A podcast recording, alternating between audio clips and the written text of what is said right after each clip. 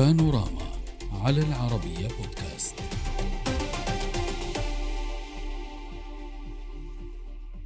هناك اتفاق سلام من نوع ما في الشرق الأوسط ليس بين إسرائيل والعرب بل بين السعودية وإيران الخصمين منذ عقود ولم تتوسط فيه الولايات المتحدة بل لعبت الصين الدور البارز فيه هذا ما نشرته صحيفة نيويورك تايمز بشأن الاتفاق السعودي الإيراني الذي تم توقيعه في بكين الجمعة الماضية. حيث قالت نيويورك تايمز أن ما حدث يعتبر بعيدا عن مخيلة الكثيرين وهو التحول الذي قلب الطاولة على عواصم العالم. العالم. فقد انقلبت التحالفات والمنافسات التي حكمت الدبلوماسية لأجيال في الوقت الراهن على الأقل والكلام زال للصحيفة ووصفت الصحيفة الاتفاق بالتغير الكبير الذي حدث بلحظة ووفق قولها فإن الأمريكيين الذين كانوا اللاعبين المركزيين في الشرق الأوسط على مدى ثلاثة أرباع القرن الماضي يجدون أنفسهم الآن على الهامش وترى الصحيفة أن ولي العهد السعودي الأمير محمد بن سلمان يلتفت إلى الصين حاليا. فيما قال ستيفن إيكوك في مجلس العلاقات الخارجية قال إن البعض في الخليج بات يرى بوضوح أن هذا هو القرن الصيني. لقد أعرب السعوديون عن اهتمامهم بالانضمام إلى منظمة شنغهاي للتعاون وفق قوله. نناقش هذا الموضوع مع ضيوفنا من الرياض الدكتور عبد العزيز بن صقر رئيس مركز الخليج للأبحاث من نيويورك توني بدران الباحث في مركز الدفاع عن الديمقراطيات ومن بكين الصحفي تشاو تشي جون عبر زوم الصحفي الصيني طبعا. سيد تشاو قبل البدء بمناقشة ما تضمنه ما تضمنه هذا المقال وما تضمنته كذلك بعض القراءات الأمريكية البعض يطرح سؤال إن كان العصر القادم هو عصر الصين إن كانت الصين قادرة على أن تكون على رأس هرم النظام العالمي فالداخل الصيني ما الذي يقال في هذا الإطار؟ آه، برأيي على الرغم من أن تأثير الولايات المتحدة في في العالم آه، لا سيما في منطقة الشرق الأوسط آه، لا يزال كبير كبيرا جدا.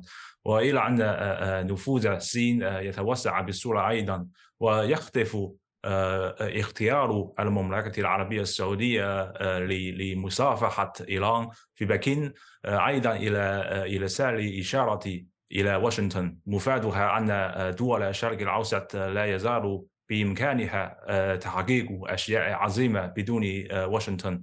وأعتقد آه، أن مقارنة مع مع الولايات المتحدة إن سياسات خارجية الصين يمكن أن تستمر لفترة أطول. مثلا يختلف موقف إدارة ترامب تجاه البلدان في جميع أنحاء العالم اختلافا كبيرا. عن موقف آه، إدارة بايدن ومع ذلك آه، آه، زالت السياسة الخارجية للصين دون تغيير هي عدم تداخل في الشؤون نعم. الداخلية والبحث عن فرصة للتعاون وتعزيز التنمية السلمية في العالم وهذا يسخر على الصين كسب كسب ثقة لدول لدول أخرى. ومن خلال آه، آه، الاتفاق بين بين بين آه، إيران والسعودية وقدمت الصين أعتقد قدمت الصين طريقة طريقة جديدة لتعزيز السلام في في في في الكثير من القضايا الساخنه مثلا قضيه فلسطينيه إسرائيلية والحرب يمن وحتى الحرب الروسيه أوكرانية. فأعتقد أن سيكون هناك المزيد ومزيد من الدول تسيق. بإحساس الصين آه، بالمسؤوليات. آه، دكتور عبد العزيز هل ترى حضرتك بأن آه، هذا القرن سيكون بعنوان القرن الصيني؟ تعلم حضرتك بأنه سابقا القرن العشرين كان يسمى القرن الأمريكي القرن الثامن والتاسع عشر القرون البريطانية. هل القرن الواحد والعشرين يمكن أن يكون قرنا؟ صينيا ليس آه، فقط بالاعتماد على هذه الخطوة ولكن أن تكون هذه الخطوة مقدمة لأن تزرع الصين حضورها وقوتها آه، في مختلف المجالات في العالم. يعني بالتأكيد الصين تتوسع ويعني مشروعها الكبير الطريق أو طريق الحرير يسمى له أهمية كبيرة لأنه يعتمد على التوسع الاقتصادي وأي توسع اقتصادي في العالم لابد أن يتبعه توسع سياسي وأمني أيضا عشان حماية المصالح الصينية. طبعا خليني أديك مثال الولايات المتحدة كان في اجتماع حول أفريقيا والولايات المتحدة اعتمدت 50 بليون دولار حتى يكون هنالك توسع في العلاقة الأمريكية الأفريقية. في الوقت اللي الصين أصلا اليوم علاقتها حوالي 350 مليار دولار فالصين توسعت ومتواجدة.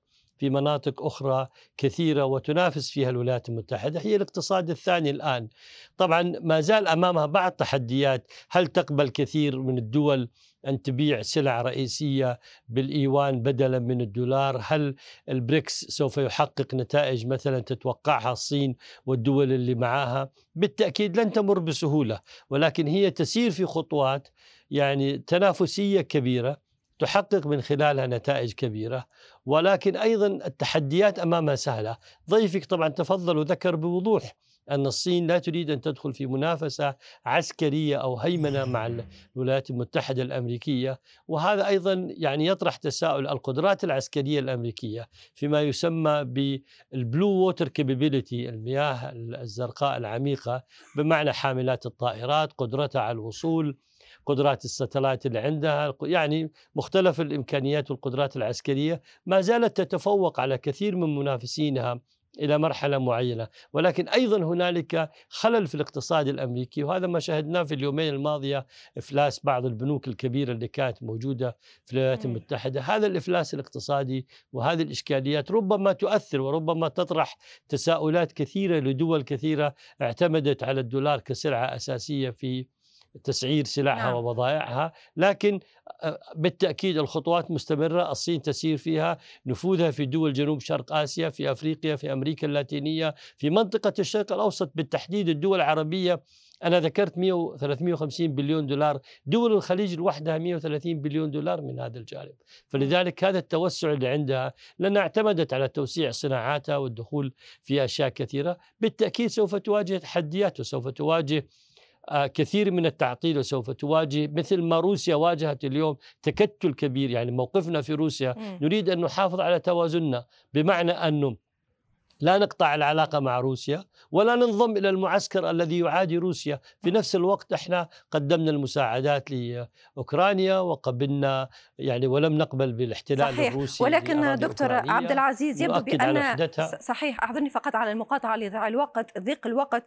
آه، يبدو بأن الإعلام الأمريكي لم يكن بهذه الدرجة من الحياد. يعني اليوم سيد توني الإعلام الأمريكي وكأنه هناك استياء آه، من هذه الاتفاقية من وساطة الصين. هناك حتى حديث مبالغ فيه يقول البعض عن تغير بوصلة المملكة العربية السعودية باتجاه الصين. ما تفسير ذلك؟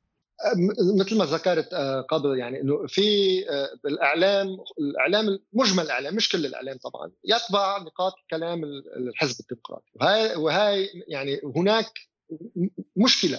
بين الحزب الديمقراطي والمملكة العربية السعودية، واحدة من هالمشاكل تعود إلى مسألة تم هيك التطرق إليها ب يعني بسرعة وهي آه، مسألة التسليح في أنواع أسلحة طال وتسهيل نعم.